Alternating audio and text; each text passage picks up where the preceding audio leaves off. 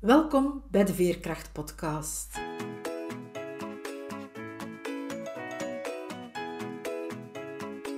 Ik ben Veerle Schaltien, levensverhalen en schrijfcoach. Met mijn bedrijf Wiebelwoorden trek ik voluit de kaart van veerkracht. Voor deze podcastreeks interview ik veerkrachtige vrouwen. Het zijn vrouwen zoals jij en ik, die soms wel eens het hoofd laten hangen maar die er vooral telkens opnieuw in slagen weer overeind te krabbelen, die telkens opnieuw de moed hebben om door te gaan, die ondanks alles ten volle in het leven staan en elke dag waardevol weten te maken. Hoe ze dat doen, vertellen ze je heel openhartig. Luister, snoep van hun woorden en laat je inspireren door hun verhalen, want als zij het kunnen, kan jij het ook. Vandaag praat ik met Anne. Anne woont aan onze mooie Noordzee. Ze werkt deeltijds in een apotheker en daarnaast is ze intuïtief en systemisch coach. Dag Anne, welkom. Dag Veerle. Als kind dan voelde jij, je hebt me dat toch verteld, een zwaarte, een donkerte in, donkerte in je leven. Je had het eigenlijk wel lastig en je ervaarde de wereld als een onveilige plek, waardoor je echt uh, naar binnen keerde. Maar als ik jou nou, nu zie, dan zie ik eigenlijk een, een warme en open vrouw. Dank je. En ja, kan je misschien iets meer over die kindertijd vertellen? Waar die donkerte vandaan kwam, hoe je aan dat gevoel kwam? Ja, dat was eigenlijk een, een onbestemd gevoel van zwaarte, van donkerte, die er was. Maar toen was ik mij daar niet echt bewust van. Ik was eigenlijk één met die zwaarte en die donkerte.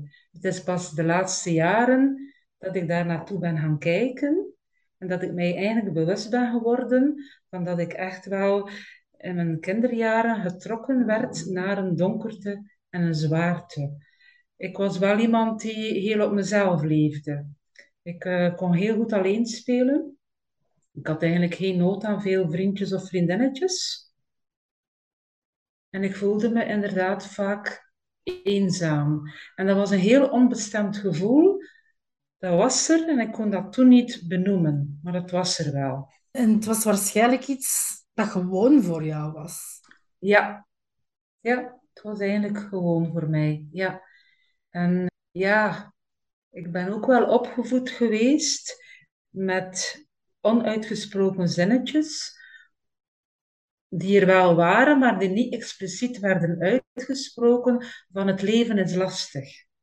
Het leven is lastig, we hebben het leven te verdragen, we zijn hier niet om gelukkig te zijn, en vooral ook, we moeten hier onze plank trekken.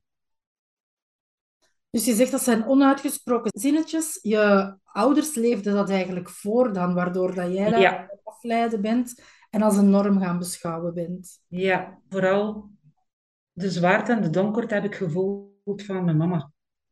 Mm Ik zeg dat met heel veel respect naar haar toe, hè, want ik ben heel dankbaar dat zij mij het leven heeft gegeven. Maar zij heeft eigenlijk niet kunnen rouwen om de dood van haar papa. En die niet genomen rouw, die heeft zij eigenlijk ja, meegenomen in haar leven. En ik heb als kind dat eigenlijk gevoeld. En als kind heb ik willen zorgen voor haar.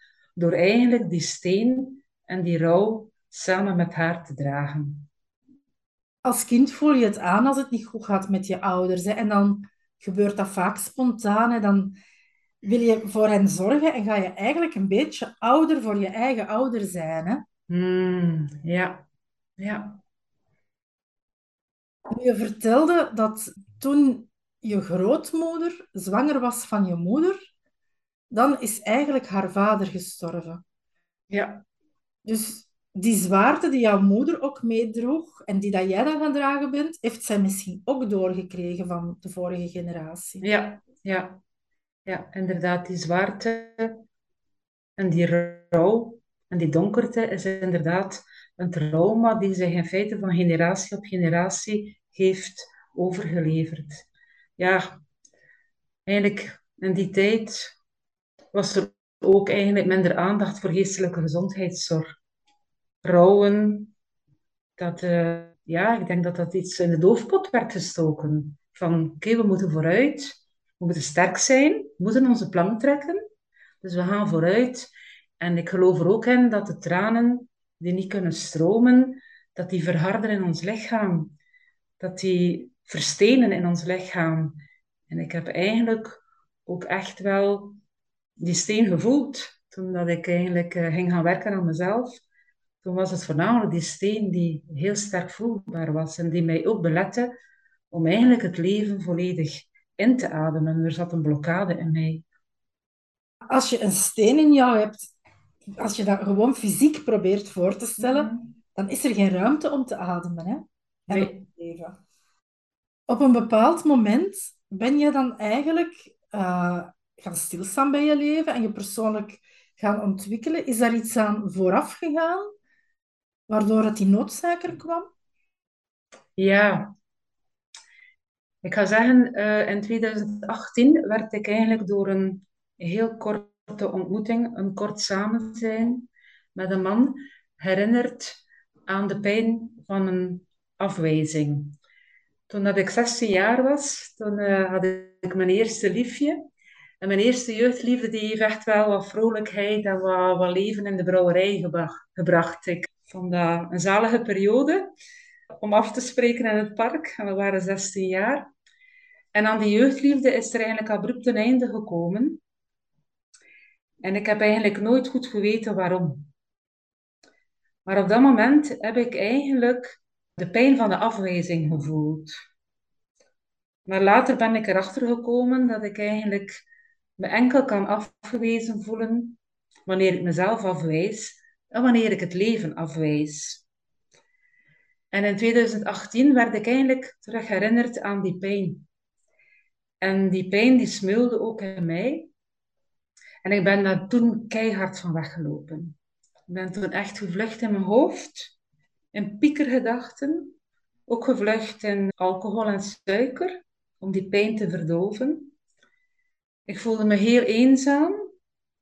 Ik heb me echt afgesloten van alles en iedereen. Die steen die werd zwaarder en zwaarder. En op een bepaald moment, ja, kon ik niet meer. En toen, toen is er een persoonlijk groeitraject op mijn pad gekomen. Van een therapeutische coach die ik al een tijdje volgde op sociale media. En ik heb mij toen ingeschreven. En ja, toen voelde ik plots zo een, een, een oerkracht in mij van ik, ik wil het anders. Ik, ik, ik, ik wil terug vooruit. Ik wil, ja, ik wil terug leven. En toen heb ik eigenlijk mij echt wel in dat traject gesmeten. Met heel veel discipline. En dat was eigenlijk het begin van ja, een mooie groeipad. Dus op een bepaald moment werd die nood om te leven zo groot, hè, door hetgeen dat je meemaakte, waardoor dat de steen die al in jou zat eigenlijk nog zwaarder werd. Mm Bij hetgene dat je misschien al van je voorouders meedroeg, kwam daar nog eens jouw eigen deel bovenop. Dat het niet meer te dragen werd voor jou en dat je dan toch hulp gaan zoeken bent. Ja. En wat dat er ook was, de feiten, ik voelde me eigenlijk heel eenzaam, heel ongelukkig. Maar er zat dan ook heel veel schaamte op. En naar de buitenwereld probeerde ik toch altijd de vrolijke Anne te zijn. Er te zijn voor de anderen. En op een duur ja, was het een elastiek die op springen stond. Hé. Aan de ene kant voel je je ongelukkig. En aan de andere kant probeer je toch eigenlijk ja, naar de buitenwereld dat te verstoppen. Omwille van ja, schaamte en schuld ook omwille van schaamte en schuld, zeg je, kan het ook zijn omdat je nog altijd wilde zijn voor de anderen, de anderen wilde helpen, zoals je dat als kind met je moeder gedaan hebt? Ja, inderdaad. Het zorgen voor ergens een leegte in jezelf opvullen door eigenlijk te zorgen voor iemand anders. Nu, het zal allebei geweest zijn. Hè? In onze maatschappij zit daar nog veel taboe op. Hè? Op je niet goed voelen en het moeilijk hebben. Dus laten we dat maar niet zien. En dan zeker met heel dat sociaal media gebeuren, waar dat iedereen zijn mooie kant toont, wordt dat eigenlijk Mm. nog versterkt, denk ik, ten opzichte van, ja, neem nu twintig jaar geleden. Ja, en ook eh, omwille van de emotionele nabijheid die er niet was tijdens mijn kinderjaren, heb ik eigenlijk ook geleerd om ja, mijn emoties te verstoppen. En, en ook om, om ergens een, een muur en, en een, schild te vormen. Ik was ook wel een beetje het vertrouwen in het leven kwijt. Ook omwille van de steen die er was, maar ook omwille van een aantal zaken die ook in mijn kindertijd gebeurd zijn. Waardoor ik eigenlijk inderdaad de bevestiging kreeg dat het leven niet te vertrouwen is. En dan ben je dus met heel veel discipline, en de nood was zo groot, dus met heel veel discipline ben je dan op dat traject gaan gooien. Ja. En wat is er dan gebeurd? Ik ben eigenlijk toen bereid geweest om echt wel stapjes te zetten. Ik vind de move to action vind ik heel belangrijk. Ik ga zeggen, in slechtere periodes in mijn leven ben ik gaan praten. Zat ik in de praatstoel bij de psycholoog en bij de therapeut. Dat zal zeker ook zijn functie gehad hebben in mijn groeiproces. Maar toen bleef ik hangen in het verhaal. En eigenlijk vond ik het op een duur wel leuk om in die praatstoel te gaan zitten en om het verhaal continu te herhalen. Hoe sterk ik was afgewezen door mijn jeugdliefde, hoe ik ben opgevoed in angst en onveiligheid. En ik bleef daar eigenlijk in hangen. En het is pas eigenlijk door in dat groeitraject te stappen en door daar dagelijks een aantal opdrachten te krijgen, dat ik eigenlijk stapjes gezet heb. En dat ik echt wel door ademhalingswerk, door korte meditaties, door te gaan schrijven, door veel te wandelen in de natuur, de weg naar binnen heb gemaakt. En toen ik de weg naar binnen maakte, toen heb ik echt wel die steen gevoeld. Die steen, die, die, werd zo sterk voelbaar. En, en, en die kwam echt, ja, die kwam mij daar iets vertellen. Hè. Die, die, die, die moest er ook uit. Ik voelde dat ook. Maar natuurlijk was er ook de angst van, ja, wie ben ik zonder die steen? Wie ben ik dan? Ja, want die steen hoorde al van kindsbeen af bij jou. Maar het is eigenlijk echt door die helende beweging te maken. Ik noem het zo mijn verticale helende beweging van mijn hoofd naar mijn lichaam. En door die steen dan echt te voelen. En door er dan ook mee aan de slag te gaan, door te gaan roepen. Ik ben echt gaan roepen. En door te roepen is die steen ook wel gebarsten in allemaal kleine steentjes. En toen kwamen de tranen. De kwaadheid verbergde het verdriet. En het verdriet verbergde eigenlijk het verlangen om echt wel ja, voluit te leven. En toen is er iets, ja, toen is er ruimte vrijgekomen in mijn lichaam.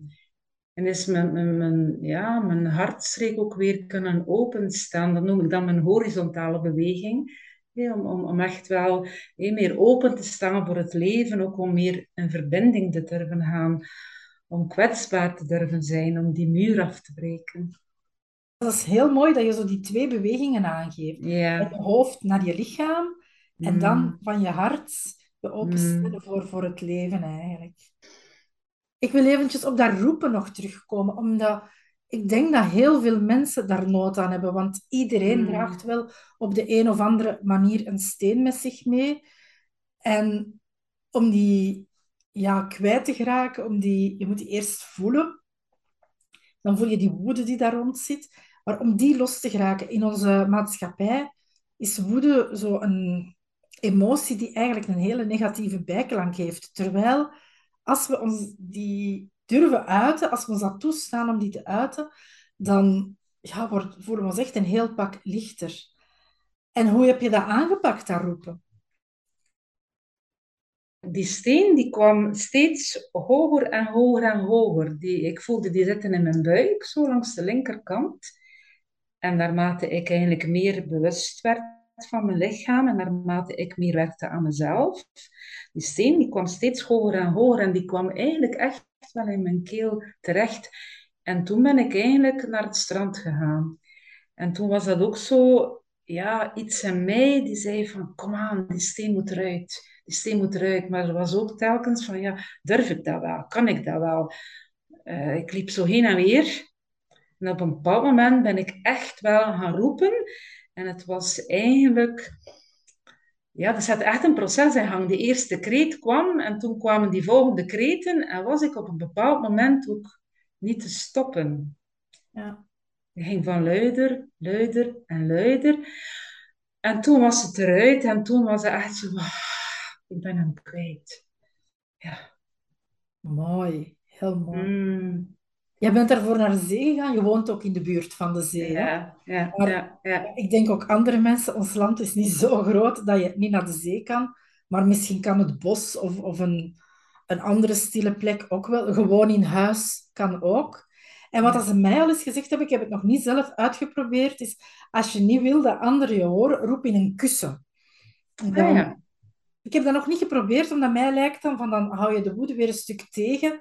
Maar misschien kan het een eerste stap zijn voor mensen die zich zo nog niet durven overgeven aan dat roepen. Ja, of eventueel zelfs gooien met kussens, zo in een open ruimte met iets gooien. Dat vind ik ook wel een goede manier. Inderdaad, gooien, daar kan je ook heel veel woede mee kwijt. Hè. En als je dat met kussens gooit, dan kan je eigenlijk... Allee, als, als je de ruimte hebt, kan je niks kapot doen. Hè. Ja, Tegenover met servies gooien, wat dat soms wel eens gebeurt. Dat ja. is niet oké.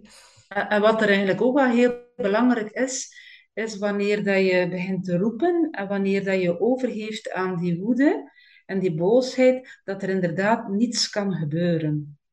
Dat vind ik ook een heel belangrijk. Ik zie in mijn praktijk ook soms verdriet. Ik voel verdriet bij mijn coachie en ergens probeer je dan toch dat verdriet aan te raken.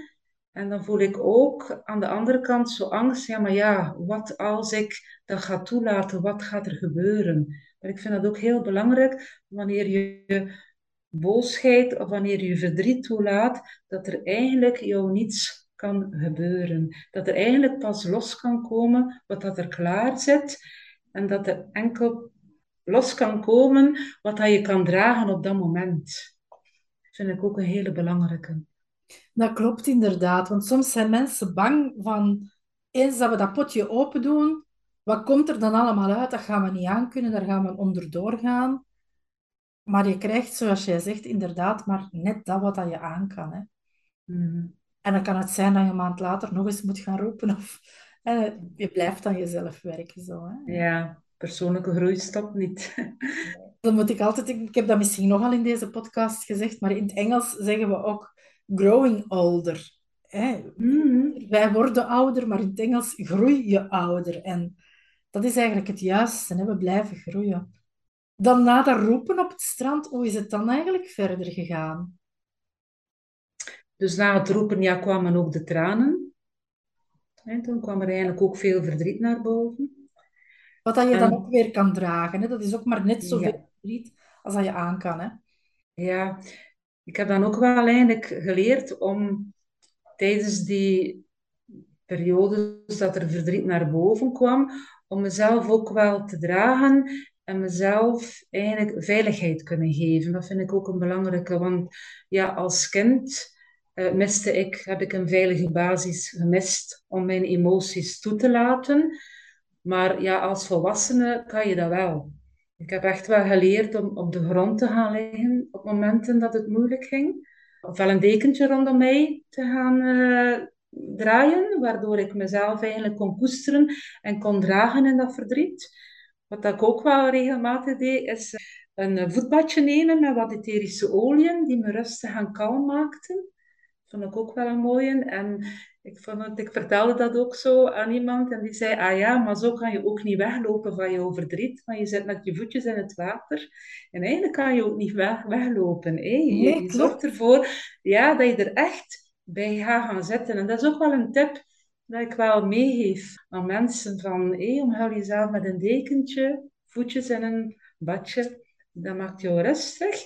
En ga er gewoon bij gaan zitten. En, en, jij kan dat. Als volwassene kan je dat dragen. Als kind heb je die veiligheid gemist, maar als volwassene kan je echt zelf in veiligheid brengen om de emoties toe te laten en om er eigenlijk niet van weg te lopen. Dat is natuurlijk ja, een proces met vallen en opstaan. Ik heb nog van die momenten dat ik uh, onbewust naar een taartje of naar snoep gaan grijpen om, om oncomfortabele gevoelens, uh, om ervan weg te lopen. En dat is oké. Maar ik kan veel rapper terugschakelen naar van oké, wat is er? Hoe voel ik mij? Wat heb ik nodig? Ik vermoed dat iedereen wel zo van die momenten zal hebben. Hè? En dan is het denk ik de kunst van inderdaad, zoals jij zegt, terug te schakelen naar oké, dit is nu gebeurd, wat heb ik eigenlijk nodig? Wat voel ik, wat heb ik nodig? En niet in schuld te gaan van verdorie, ik heb het weer al gedaan. Ben weer... Mm.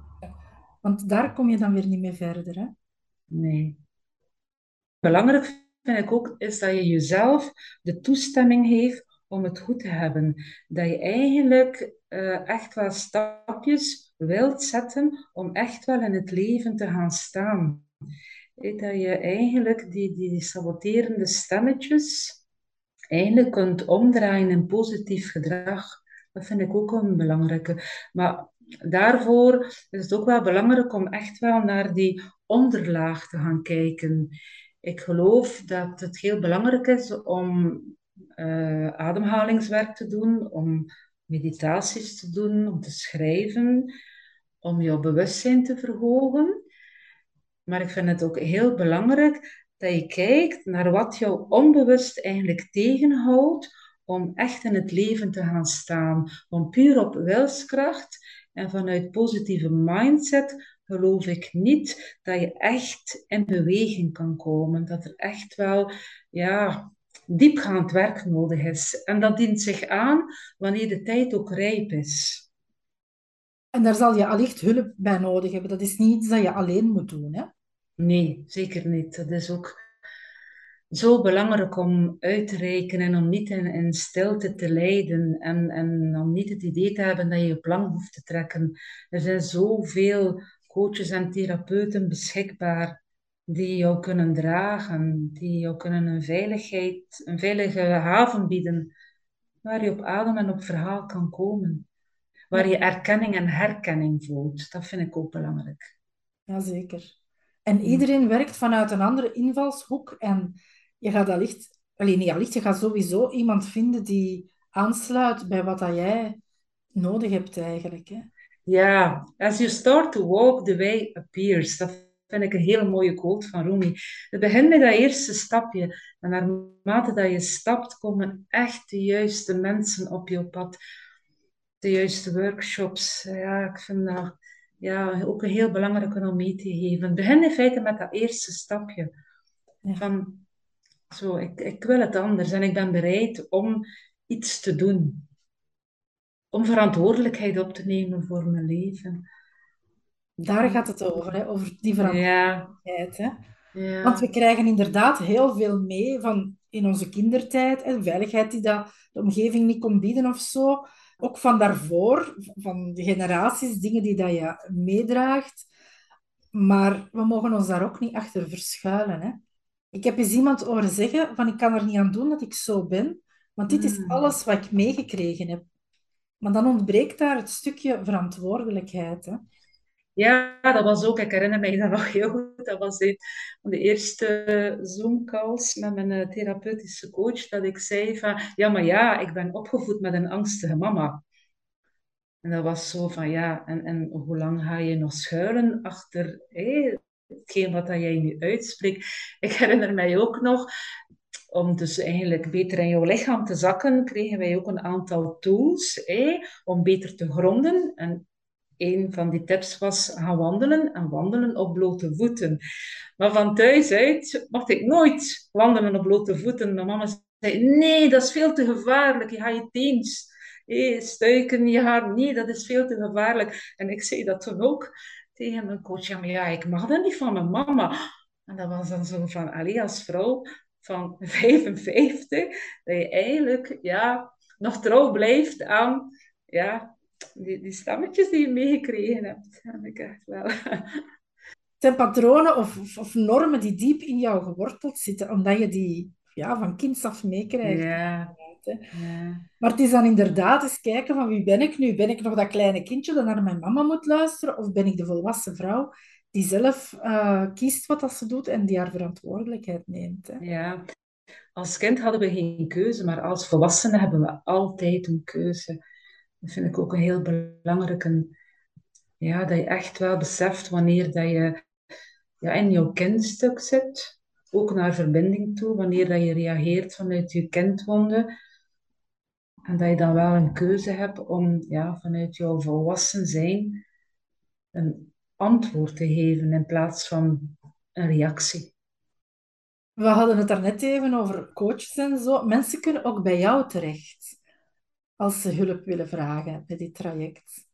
Ik had eigenlijk zo al een, uh, een hele periode, doordat ik eigenlijk uh, zelf veel aan, veel aan mezelf gewerkt heb, dat ik ook altijd wel een, een stil verlangen om, uh, wanneer dat mijn dochter op haar eigen benen stond en ik wat meer financiële vrijheid had, om echt wel mijn vaste job voor een stukje op te zeggen en tijd vrij te maken om uh, opleidingen te volgen. En vorig jaar vielen alle puzzelstukjes samen. En daar heb ik dan echt wel voor gekozen om minder te werken in de apotheek en opleidingen te gaan volgen. En uh, de opleiding tot systemisch coach, die heeft eigenlijk mij veel bijgebracht. Ben ik eigenlijk ook wel diep in mijn eigen proces gegaan. En ik geloof heel sterk in dat het heel belangrijk is om inderdaad te kijken naar de onderstroom.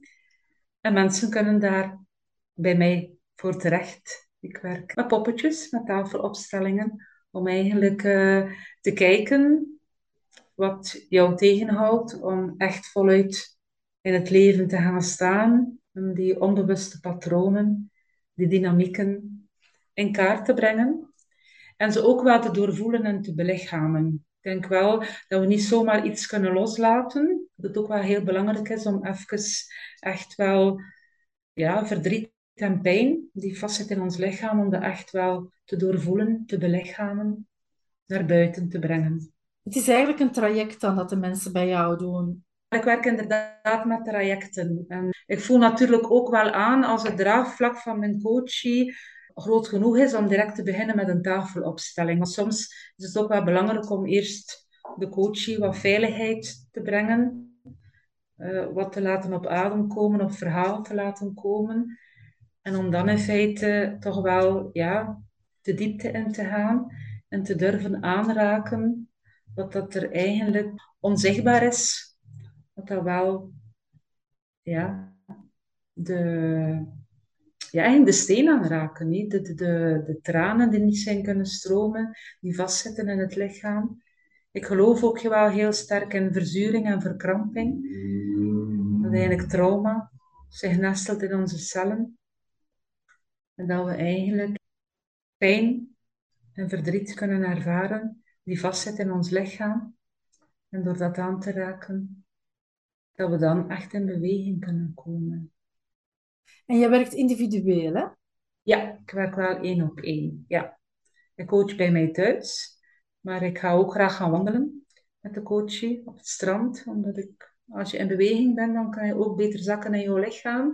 Dan kom je eigenlijk ook vaak tot uh, ja, dieper uh, lagen dan dat we enkel gaan praten. Nu, ik kan ook wel altijd mijn coachie laten zakken in het lichaam, die aanvang van de sessie omdat we ja, in ons hoofd soms verdwalen. De mensen die bij jou komen, komen alleszins in heel warme handen terecht. Hmm. Nu, ik zie nu op dit moment voor mij een heel veerkrachtige vrouw zitten. Je hebt zeker nog tips voor de luisteraars, ook om zelf veerkrachtig te zijn. En ze hebben jouw verhaal gehoord, dan weten ze al wel als je met die steen aan de slag gaat, dat je daar veerkracht voor nodig hebt. Maar kan je en zo nog een paar concrete tips geven, of, of één eventueel? Hè? Ja, dus hulp zoeken vind ik heel belangrijk. Hè? Echt wel uitreiken.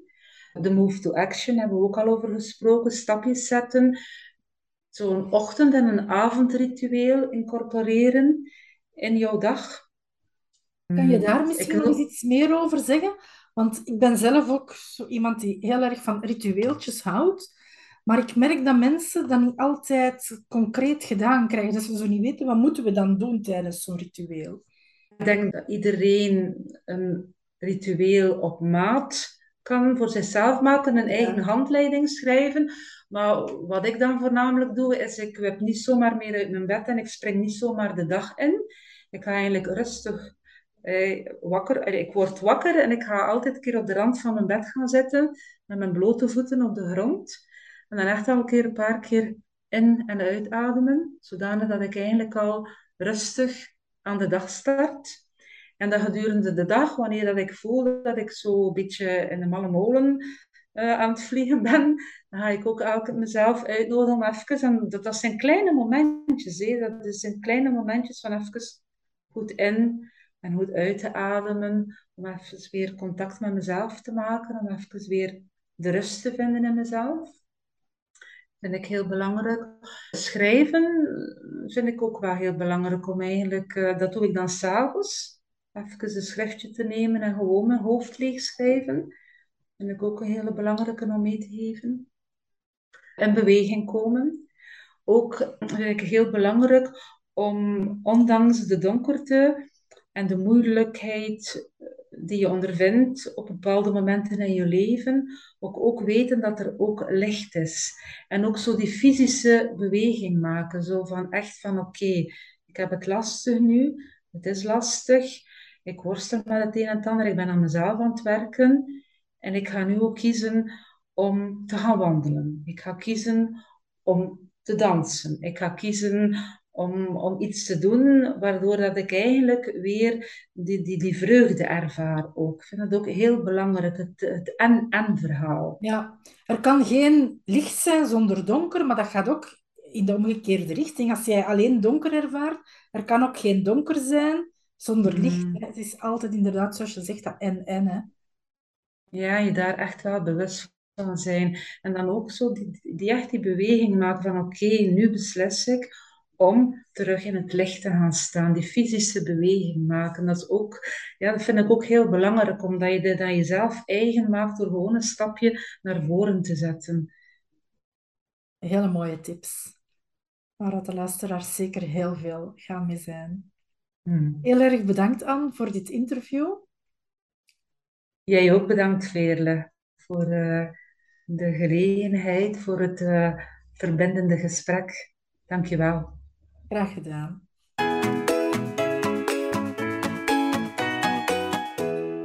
In deze veerkrachtige verhalen hoor je heel vaak dat problemen waar mensen tegenaan botsen ontstaan zijn in hun kindertijd of zelfs nog veel eerder. Vaak is het ook dat er dingen opgeslagen zijn in jouw familiesysteem en die jij dan draagt. Want alles wat jouw ouders, grootouders, overgrootouders en verder niet gezien, erkend of gedragen hebben, wordt doorgegeven aan de volgende generatie. En zo draag jij misschien ongemerkt familietrauma met je mee. Nu, helemaal ongemerkt is dat uiteraard niet, want het uitzicht dus in de problemen waar jij tegenaan botst, in de patronen en gewoonten die jou niet dienen. En pas als je dit aankijkt, kan het ook geheeld worden. En dat is wat we tijdens een familieopstelling doen. We maken het onzichtbare, de onderstroom in jouw familiesysteem, zichtbaar. Zodat jij je levensenergie weer kan voelen stromen zodat jij veerkrachtiger in het leven kan staan. Inge Peters en ik organiseren maandelijks een workshop familieopstellingen. En als je daar graag wil aan deelnemen, hou dan zeker onze sociale media in het oog, waarop we er vaak iets over berichten. Of ga meteen naar onze landingspagina veerleschaltin5.wixsite.com slash familieopstelling. Deze link vind je ook in de bio op mijn uh, Instagram-pagina terug en in de begeleidende tekst bij deze podcast. Je luisterde naar de Veerkracht-podcast. Hartelijk dank hiervoor. Hopelijk heb je even erg van dit veerkrachtige verhaal genoten als ik. Laat je er zeker door inspireren. Ben je benieuwd naar het volgende interview? Of wil je niks van deze podcastreeks missen? Surf dan naar www.wiebelwoorden.be of abonneer je nu meteen gratis op deze podcast via Spotify of een andere podcast-app. De montage van deze podcast was in handen van Johannes Veremans. Nogmaals dank voor het luisteren en graag tot de volgende aflevering.